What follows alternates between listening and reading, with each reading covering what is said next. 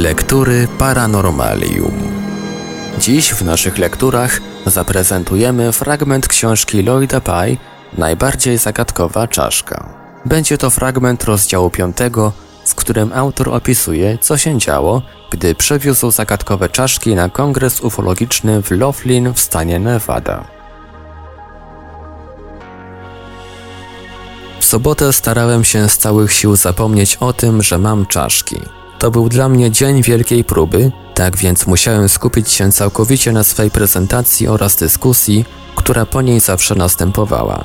Tego dnia sprzedałem i podpisałem prawie 200 egzemplarzy książki. To był świetny początek tygodnia, a niedziela wyglądała równie obiecująco. Apartament Boba i Terry znajdował się na ostatnim piętrze kasyna.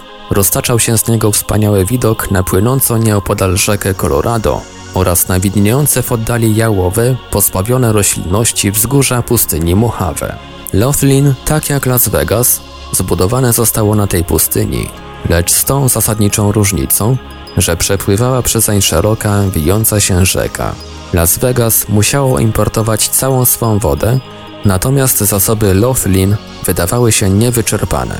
Ta duża, piękna rzeka pasuje do surowej pustyni jak przysłowiowy kwiatek do kożucha. Apartament wyposażony był we wszystkie rzeczy, jakich mogły potrzebować przybywające tu nieustannie grupy gości o dowolnej porze dnia i nocy. To tu właśnie przyjaciele i pracownicy kongresu mogli przesiadywać po zakończeniu dnia, uczestnicząc w inspirujących rozmowach. Drinki, frytki z sosami, a nawet plastikowe sztućce.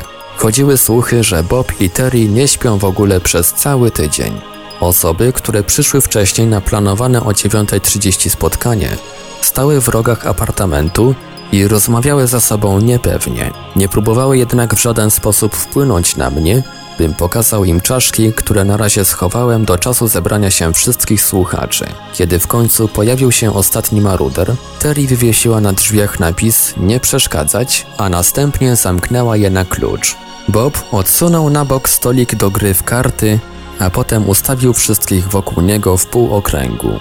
Sam stanąłem po drugiej stronie stolika, naprzeciw grupy osób, których miłością, których pasją, których hobby były nole, obcy i ufologia. Znali historię, szczegóły oraz wszelkie argumenty przemawiające za lub przeciw prawdziwości wszystkich spotkań z UFO i wydarzeń z tym związanych. Posiadali stosowną wiedzę, zatem w powietrzu dało się wyczuć atmosferę niecierpliwego wyczekiwania. Dziękuję wszystkim za przybycie. Zacząłem. Zdaję sobie sprawę, że mogliście teraz robić inne rzeczy, przede wszystkim zaś nieźle się bawić, lecz ufam, że to, co mam do przekazania, warte będzie waszego czasu i wysiłku. Wyjąłem czaszki z pudła i wyjaśniłem ich pochodzenie, podczas gdy wędrowały one z rąk do rąk. Podłoga apartamentu wyłożona była grubym dywanem, niemniej poprosiłem wszystkich o zachowanie ostrożności przy oględzinach. Nie chciałem rozpocząć swej prezentacji od uszkodzenia którejś z nich. Niektórzy byli z miejsca przekonani, że mają do czynienia z czaszką szaraka. Inni uważali, że musiała to być hybryda szaraka z człowiekiem. Po raz pierwszy w życiu usłyszałem słowo hybryda użyte w takim kontekście, a wydawało się, że stwierdzenie to ma większy sens niż konstatacja, że jest to po prostu szarak. Czaszka miała wszystkie kości występujące w ludzkich czaszkach. Czołową, dwie kości klinowe, dwie skroniowe, dwie ciemieniowe oraz jedną potyliczną. A przecież żadna z nich nie przypominała kształtem czy strukturą odpowiadających im kości człowieka. Każda z nich wyraźnie odbiegała od normy, a ich ciężar był znacznie zmniejszony. Wydawało się, iż jest to ludzka czaszka przekształcona w albo przez coś innego. Ale co? Po godzinie zapytań, spekulacji i przekonywań, grupa testowa nie była ani o cal bliżej jakiegokolwiek konsensusu niż wtedy, gdy zaczęliśmy spotkanie. Zgodzono się tylko co do jednego. Obie czaszki powinny być natychmiast zbadane przez specjalistów, tak szybko jak to tylko możliwe, aby wyniki badań były gotowe przed końcem tygodnia, zanim zakończy się konferencja i wszyscy rozjadą się do domów. Mark Bean mógłby pomóc, ktoś zasugerował. Znałem Marka z ostatniej konferencji. Był grafikiem komputerowym oraz menadżerem portali internetowych, a interesował się czymś, co nazywał elektrograwityką. Studiował i powielał maszyny oraz eksperymenty Nikoli Tesli, wielkiego serbskiego geniusza, który w latach swej świetności konkurował jako wynalazca z Thomasem Edisonem.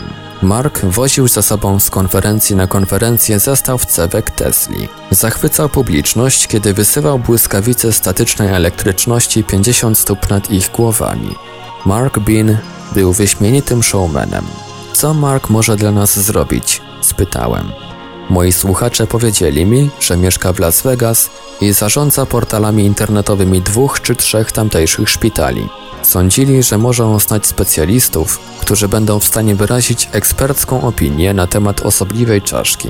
Jeśli wziąć pod uwagę jego osobiste relacje z osobami, które mógłby o to zapytać, powinien otrzymać proste i szczere odpowiedzi, a nie stek bzdur, jakim obsypano Reya i Melanie Youngów. To trzymało się kupy. Dobra, pogadam z nim jutro. Nie zapomnij, ostrzegł Bob, że ma występować podczas bankietu w sobotę wieczorem. Musi tam być. Nie może nie przyjść. Był to fragment książki Lloyda Pye Najbardziej zagadkowa czaszka. Czytał Ivelios. Książkę na polski rynek wydało wydawnictwo Cień Kształtu. Książka dostępna jest do kupienia na stronie wydawnictwa Cień Kształtu www.cieńkształtu.pl oraz w księgarni internetowej Nieznanego Świata www.nieznany.pl